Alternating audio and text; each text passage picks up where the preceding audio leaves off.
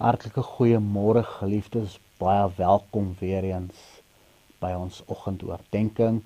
Ons gesels weer oor ons onderwerp vrede. Ons het verlede week gehoor hoe dat Abraham se vrou Sara as gevolg van haar twyfel, bekommernis en vrees sy haar vrede verloor het omdat sy nie gefokus het op die beloftes van die Here nie.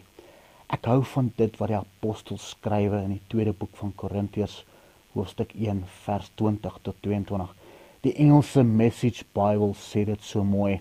Whatever God has promised gets stamped with the yes of Jesus. In him this is what we preach and pray. The great amen.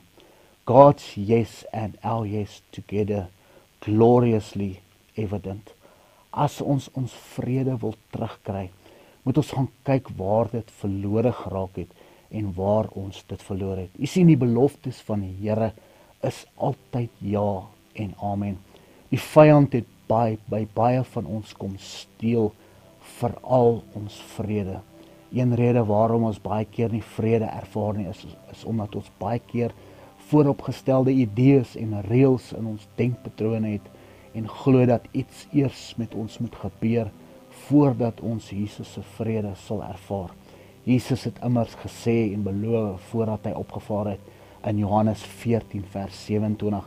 Die boodskap Bybel sê julle hoef nie bekommerd te wees. Ek los ook vir julle 'n geskenk wanneer ek weggaan. Vrede. Moet dit egter nie verwar met die oppervlakkige vrede van hierdie wêreld nie. Dit is vrede wat iemand net by my kan kry. Daarom hoef jy nie gespanne of selfs bang te voel oor die toekoms nie. Net daar waar u nou is, ervaar u die vrede van die Here wat alle verstand te bowe gaan.